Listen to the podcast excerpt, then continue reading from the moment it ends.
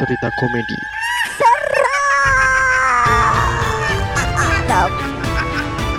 Balik lagi di Sisi Sadar bersama saya Rizka Farah. Bersama saya Sena yang saat ini lagi penelusuran cerita horor. Pengen bikin podcast seperti kita? Download Anchor dong. Nggak ribet. Balik lagi di Mencekam, mengulas cerita komedi seram. Karena setiap cerita seram Punya komedi. dadakan banget lagi. Oke. dadakan banget. Tagline yang sangat bangun ternyata ya. Oke. Aduh, kali ini kita akan bercerita lagi ya Sen ya. Yoi. Bercerita lagi so eh, tentang enggak bukan tentang sih mengulas Mengulas mengulas cerita-cerita horor paranormal experience. Paranormal experience. Experience. Oke. Kali ini kita akan bercerita eh, dari disebutin gak ya namanya ya? Boleh, boleh, boleh. Boleh. Karena kan dia salah satu yang menceritakan ini, jadi dia berhak untuk Oh, Iya. oke. Jadi si punya cerita apa sih nyebutnya apa? Narasumber ya. narsum. Si narasumber ini namanya Hanis. Kira-kira cewek apa atau apa cowok? Hanis Cenderung ke mana nih?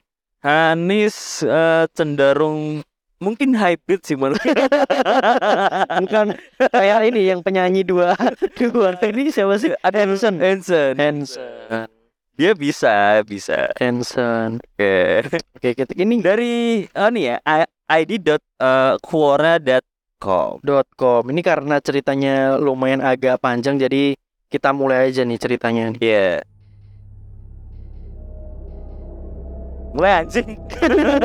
Iya, Gua masih prepare. Jadi ceritanya sekitar tahun 2016 aku punya adik sepupu laki-laki.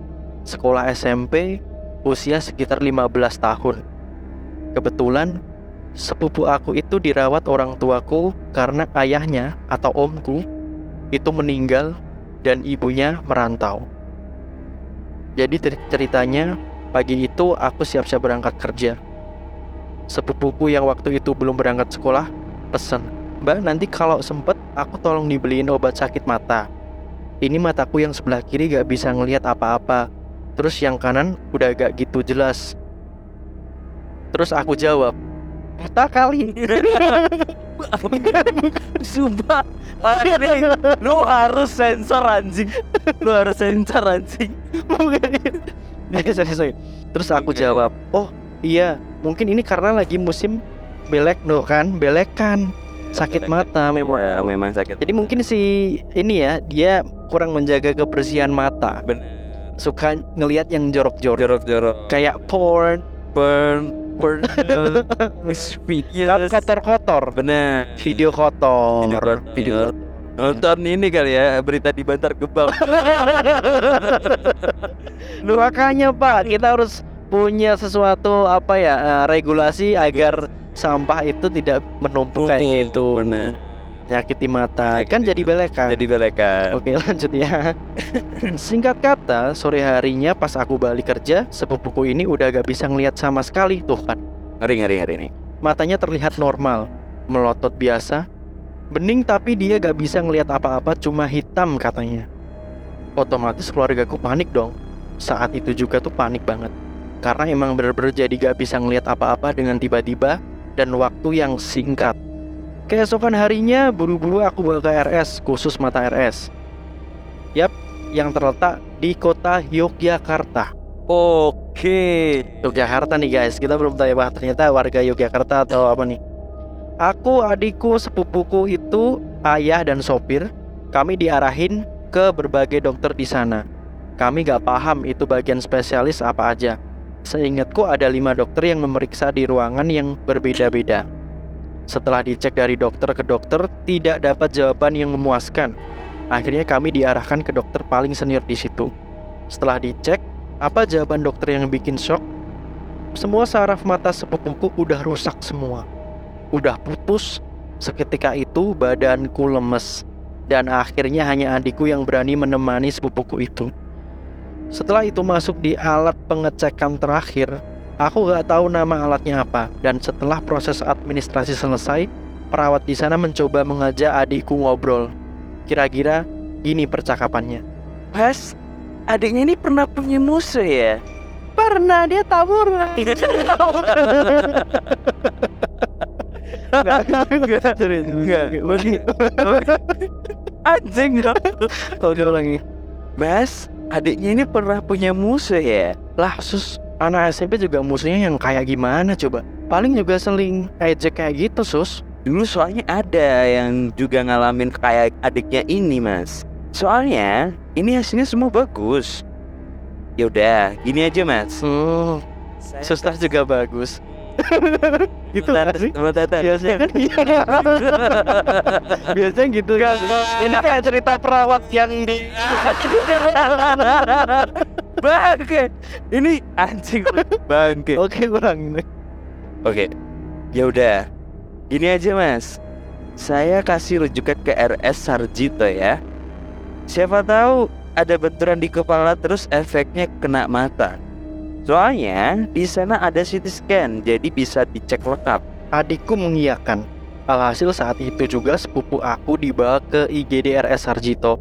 Setelah melewati beberapa proses pemeriksaan, belum ada jawaban yang memuaskan dari pihak RS. Sampai sepupuku rawat inap di sana selama beberapa hari. Di lain tempat, ibu aku tiba-tiba ditelepon saudara di Pasuruan yang notabene punya kemampuan indigo.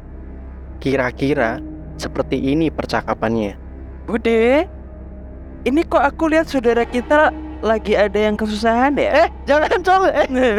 Eh, tiba-tiba kayak di American Pie gitu kan. saudara, saudara aku kenapa kok dia tangannya?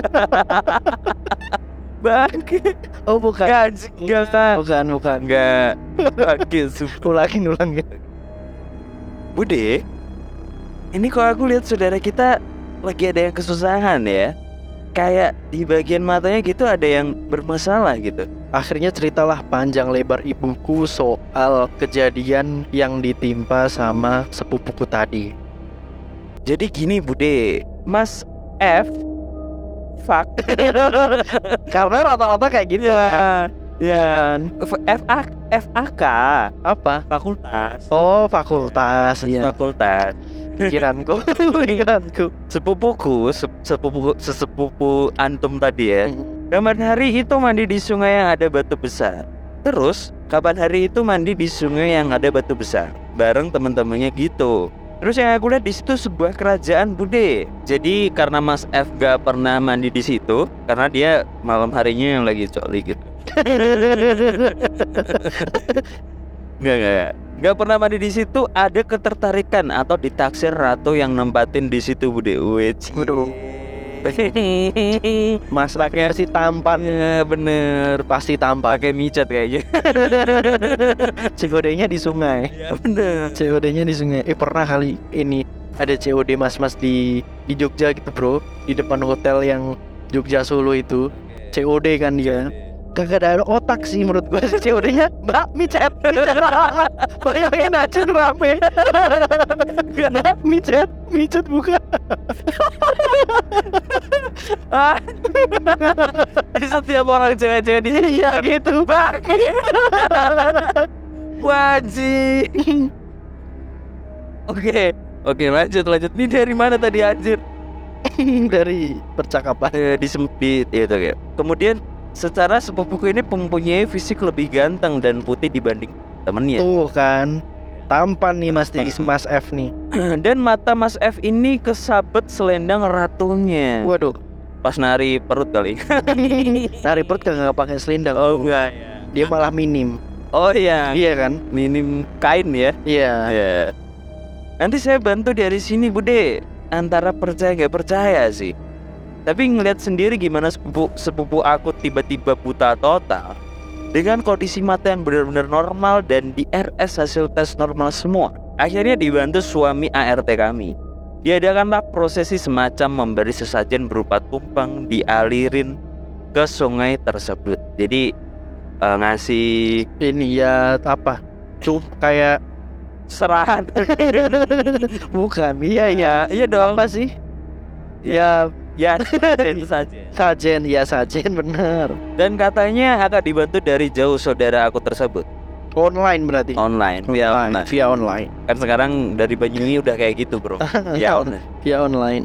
Gak tau juga pakai metode apa bantunya nih Tuh kan. udah gue jawab ya Uh, online. tuh weh Online udah udah ketemu.